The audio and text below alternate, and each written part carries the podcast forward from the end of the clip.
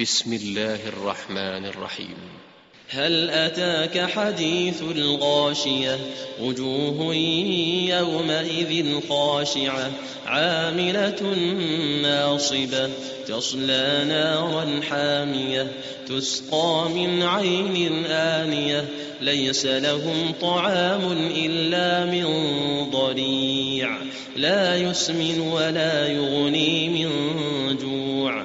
وجوه يومئذ ناعمة لسعيها راضية في جنة عالية لا تسمع فيها لاغية فيها عين جارية فيها سرر مرفوعة وأكواب موضوعة ونمارق مصفوفة وزرابي مبثوثة أفلا ينظرون إلى الإبل كيف خلقت وإلى السماء كيف رفعت وإلى الجبال كيف نصبت وإلى الأرض كيف سطحت فذكر إنما أنت مذكر لست عليهم بمسيطر إلا من تولى وكفر